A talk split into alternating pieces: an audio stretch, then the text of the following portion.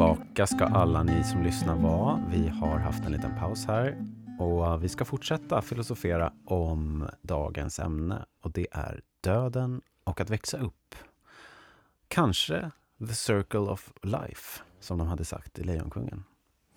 Och vi har fått in här två nya filosofer i studion och uh, vi börjar väl med om ni kan bara säga vilka ni är. Yes. Uh, jag heter Hiro. Jag är 17, eh, 04. Och eh, jag gillar musik och jag gillar konst och eh, att skriva typ. Ja, det är väl det typ. Eh, ja, jag heter Edith. Eh, jag är 17 år också. Eh, 04. Eh, jag tycker jättemycket om att skriva. Jag tycker om böcker. Jag tycker om filosofi, att tänka på saker, att eh, uttrycka mig tycker jag mycket om. Eh, Ja, och så. All right. Och ni har ju också varit med när vi har valt ut. Vi hade ju jättemånga intressanta ämnen och vad skulle vi välja? Och då landade vi på döden och att Mm. växa upp. Precis. Och så försökte vi liksom sätta ihop dem. Eh, och jag tänker så här, vilken ände ska vi börja i? För nu har vi ju lyssnat på alla de andra. Eh, vad känner ni? Vil- Vilken ände ska vi börja? Ska vi börja med döden eller ska vi börja med att växa upp? Ni får, ni får bestämma. Oh, jag vet inte. Vad känner du? Jag börjar gärna med Mm. döden. Ja men vi kör på den. Ja, Döden är mysig. ja den är otroligt härlig. Ja, Komfortabel. Komfortabel. Härlig. komfortabel. ja, det var lite. Ja. Vad tänker du, Edith, om döden? Mm, jag tänker att ni avslutade att prata mycket om eh, identitet och att vara och sådär. Mm.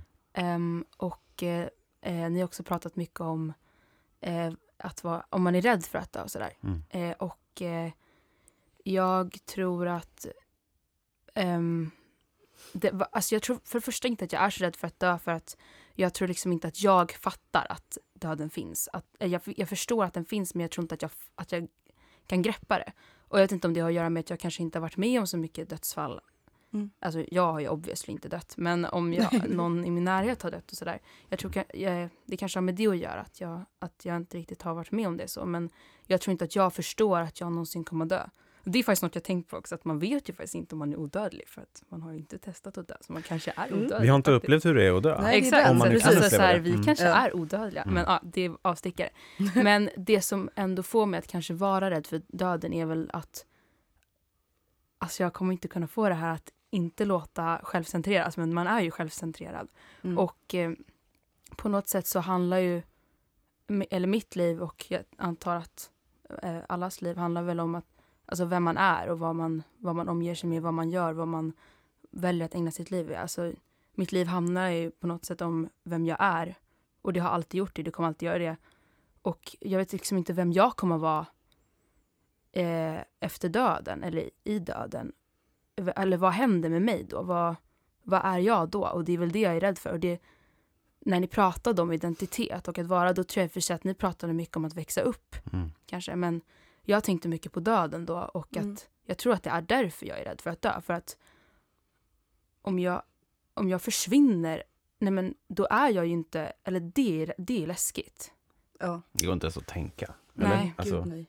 men det är väl för att vi inte kan uppleva det, eller vi vet ju inte som du sa Edith, om vi kan uppleva det så hade vi ju haft en helt annan ingång kanske i det här. Är det Absolut. någonting vackert, obehagligt och att släppa kontrollen har vi pratat om också. Mm. Och att det är någonting som kan kännas som att det är något okänt.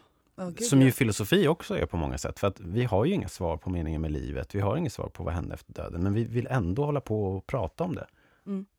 Men vad tänker du om döden, Hiro? Oh, alltså jag är väldigt, jag har en lite, lite konstig så här, lite konstiga tankar. Jag har väldigt spridda tankar. Jag är väldigt kluven.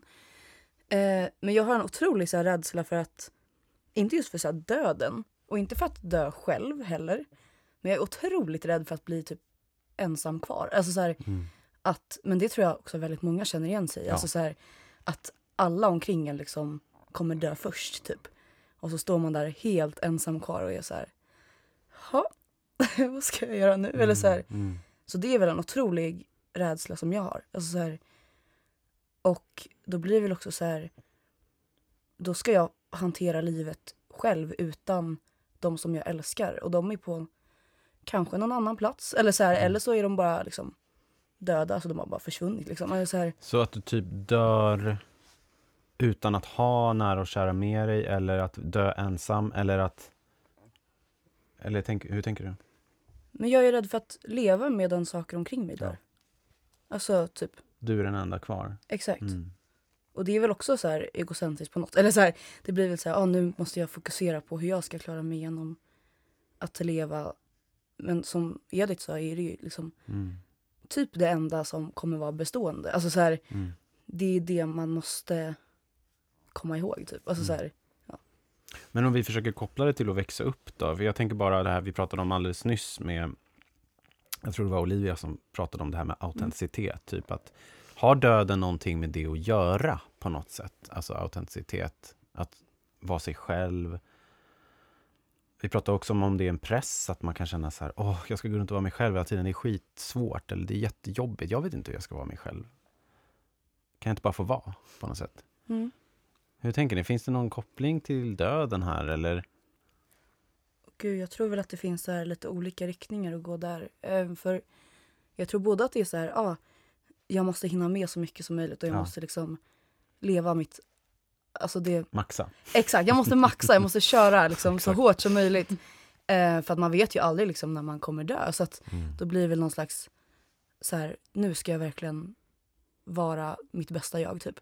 Men det blir väl också en otrolig press. Alltså så här, för alltså jag hade väldigt mycket så här dödsångest förut. Så här, men gud, tänk om jag så här dör nu när jag går över det här övergångsstället. Så här, då har inte jag gjort allting som jag vill göra. Man vill hinna med grejer. Det finns ju det här Exakt. FOMO, ni känner till det? Gud, ja. Fear of missing out. Så här, Shit, är jag hann inte det. Jag hann inte det. Det är ditt liv, okej. Ja, det har verkligen för, på riktigt förstört Ja. mycket. Ja. Alltså FOMO är, ja nej. Det är vidrigt. Ja. Men är det som att man ska hinna med innan man dör? Ungefär som att livet är en behållare av upplevelser som man ska bara pra, pr, spränga in. Så här, jag vill ha sett det där, jag vill ha gjort det där, jag vill ha träffat den personen. Du, du, du, du, du, du, du. Mm. För mig handlar FOMO mer, inte jättemycket om så här, vad jag vill hinna med i mitt liv, utan det handlar mycket om så här, nu umgås de där utan mig, eller nu, Mm. nu valde jag att vara med den här, men tänk om jag hade varit på den här platsen. Mm. Vad hade hänt då? Vad går jag miste om? Eller nu valde jag att gå hit, men vad hade hänt om jag gick den här vägen? Men jag tänker att det kanske ändå grundar sig i att man är rädd för just det där, som du sa. Mm. Att man är rädd för att man inte kommer fylla sitt liv med rätt saker. Och att när man har Mm. dött så har man inte...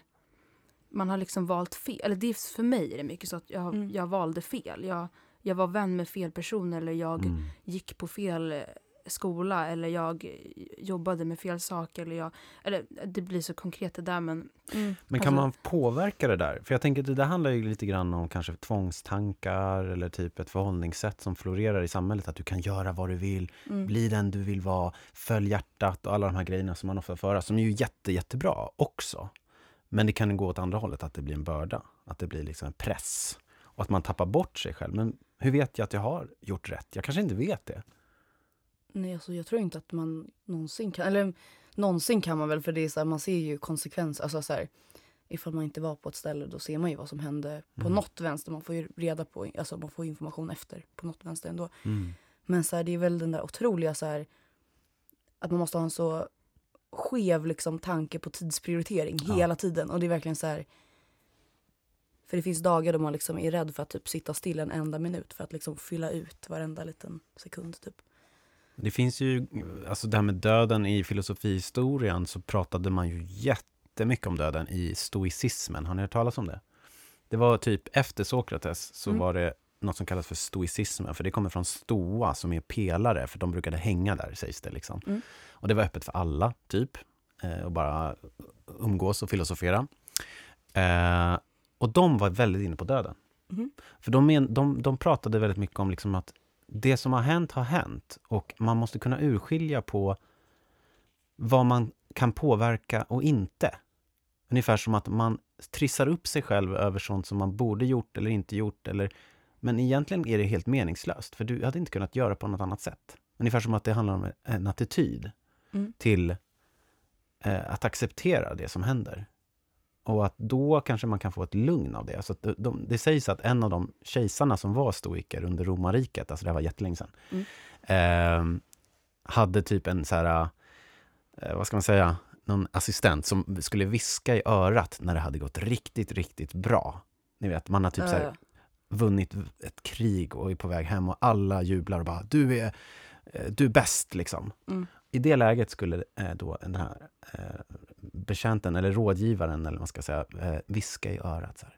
Memento mori. Vet ni vad det betyder? Åh, nu tappade jag Memento alla. mori. Jag har hört det så mycket men nu kom jag verkligen inte på Ja. vad sjutton det betyder. Det är ungefär som att minns döden, kan man säga. Just det. Mm. Minns att allt är förgängligt. Även det här fantastiska som har hänt just nu kommer gå över. Mm. Men vissa verkar tycka att det där är lugnande på något sätt. Mm. Tycker ni det? Att tänka så här, okej, det går skitbra nu, det går bra nu, jag har pengar eller vad det nu är. Ja. Att bara säga, vänta nu, det här kommer ju gå över. ja jag tycker att det är fruktansvärt. Ja. Det Vadå? ger mig Att det- verkligen panik. ja, nej, det är jättemycket. Det är Ja. så panikbelagt. Ja, alltså, vad, vänta, vad är pani- panikbelagt? alltså Ni måste förklara. både att nu går allt bra, men det kommer att gå över. Eller, och, Exakt. och att nu går allt dåligt, men det Och kommer att gå över. gå. Det, Mm. att, det, att, det är liksom, att allting ändå kommer leda fram till att det kommer att ta slut. Ja. Ja. Och att allt kommer att försvinna. försvinna. Så det spelar ingen roll Nej, vad man men det, det Men betyder det att mycket. ingen spelar roll? Nej, egentligen inte. Jag vet, alltså man vet ju det. Alltså jag tycker ju inte det. För att man finns ju här och nu och ja, men massa olika anledningar. Men det går liksom inte... Det, det ger mig en panikkänsla för att det blir liksom som att... Det spelar, Ah, om, om det inte spelar någon väljer. roll Mm. vad jag gör, alltså då, då, då, då, då får jag ingen motivation. För att Mm. det är som att om jag missar Mm. en, en vecka i skolan och så märker jag att jag inte har hamnat efter. Då Ja. kan jag inte plugga sen för att då känns allting meningslöst. Och jag vet inte om, vi, om vissa kan göra det, jag vet inte. Men det känns liksom, Mm. det känns jätte... Om ingenting leder fram till något. Ja, Fast det, ja, jag, jag, jag förstår helt hur ni tänker. Jag bara Mm. försöker fundera vidare om det är så här. Om vi, om vi säger att det där är en bra grej, att man ska typ komma ihåg på något sätt att saker är förgängligt. Allt är förändring. Mm. Vare sig man gör något man är glad över, vare sig man gör något man är ledsen över, vare sig man förlorar någon, vad det än är som händer egentligen, så kommer det förr eller senare förändras. Mm. Är ni med? Ja. Man kanske Mm. har blivit så här, sviken av någon, man kanske liksom har förlorat en relation och så bara... Det är hemskt liksom. Men det kommer ju gå över, Mm. förmodligen. Men det är ju något lugnande i det som kanske inte måste innebära att det inte hade spelat någon roll om jag hade gjort tvärtom. Jag bara Mm. provtänker här. Mm. Men Jo. förstår ni vad jag menar? Att, Ja. att, att det du har gjort, du kan aldrig veta om det hade hänt något annat om du inte hade gjort så. Men nu har du gjort det. Mm. Det här handlar ju om typ också fri vilja, tänker jag. Så här, hur, hur fria är vi? Mm. Och hur relaterar vi till vår egen frihet? Och hur relaterar vi till att saker och ting förändras? Kan vi liksom förändra vår attityd över livet? För det här handlar ju om egentligen döden och Mm. livet på olika sätt. Jag håller Eh, med om det mm. där, men det, det är intressant för, för jag kände så... Ja, men jag, jag såg det från den där vinkeln, eller jag ser det fortfarande från den vinkeln utan att jag riktigt kan liksom... Att det är, alltså jag kan förstå det rent logiskt, men det ger mig ändå panik att, att allting är för, förgängligt. Liksom. Mm. Men när jag var liten så tyckte jag att det var jätte... Jag minns att det var vanligt att folk sa till en så här, vi kommer ändå bara dö. Liksom. Och jag tyckte Ja, det var så här, ja Ja, men vad skönt. Är Eh. Men jag tyckte det då. Men nu så är det ju, ja det är ju hemskt. Och jag vet inte vad det grundar sig i. Om man, jag vet inte vad, varför det har blivit, om man tänker steget längre, om man kanske har en närmare relation till döden som, som eh, vi sa lite tidigare. Eller om det är någon slags prestationsångest att man måste, ja men, ja men att man, att, eller att allting liksom måste leda fram till någonting som kan ge en, en bekräftelse på att det man gjorde var bra. Mm. Ungefär Eh. som att det måste komma utifrån, att du valde rätt jobb. Mm. Du valde rätt utbildning, du valde rätt partner. Det var rätt val. Yes! Mm, precis, och det, den, det mindsetet Ja. tror jag inte att man hade Mm. när man var liten. Inte jag Mm, i alla fall. Mm. Utan det är något som jag fått. Mm. Vi ska börja avrunda faktiskt. Mm. Eh, men om man bara ska försöka knyta ihop säcken, är det någonting som ni tycker är extra viktigt att ta med sig? Om man bara skickar med något till lyssnarna, typ något som man kan fundera vidare på, som ni hade behövt höra kanske, eller som bara är intressant att tänka vidare på filosofiskt, om döden eller livet, eller att växa upp, att vara autentisk, eller kanske circle of life. Har ni någon sista sak som ni vill säga? Det kan vara en fråga eller bara en, en tanke sådär. Gud vad svårt. Nu måste man ju säga något så här smart så att man inte lämnar Nej, ingen press. lyssnarna med så här panikkänslor. Eh, Nej. nej men jag vet inte. Bara så här. Gud det låter så jävla dåligt men så här, försök fokusera på nuet bara. Mm. Ja, Så Mm. lär det väl resten lösa sig sen. på Ja. det där uttrycket att, att man lever för att dö. Nej. Nej, Det är ju Lev inte för därför dö. vi lever. nej det är... Nej, lev för att leva. Lev för att leva. Ja. Gör det. Det tycker jag är bra slutord. Tack Edith och Hiro för Tack att ni själv. kom och filosofera och vi ses snart igen.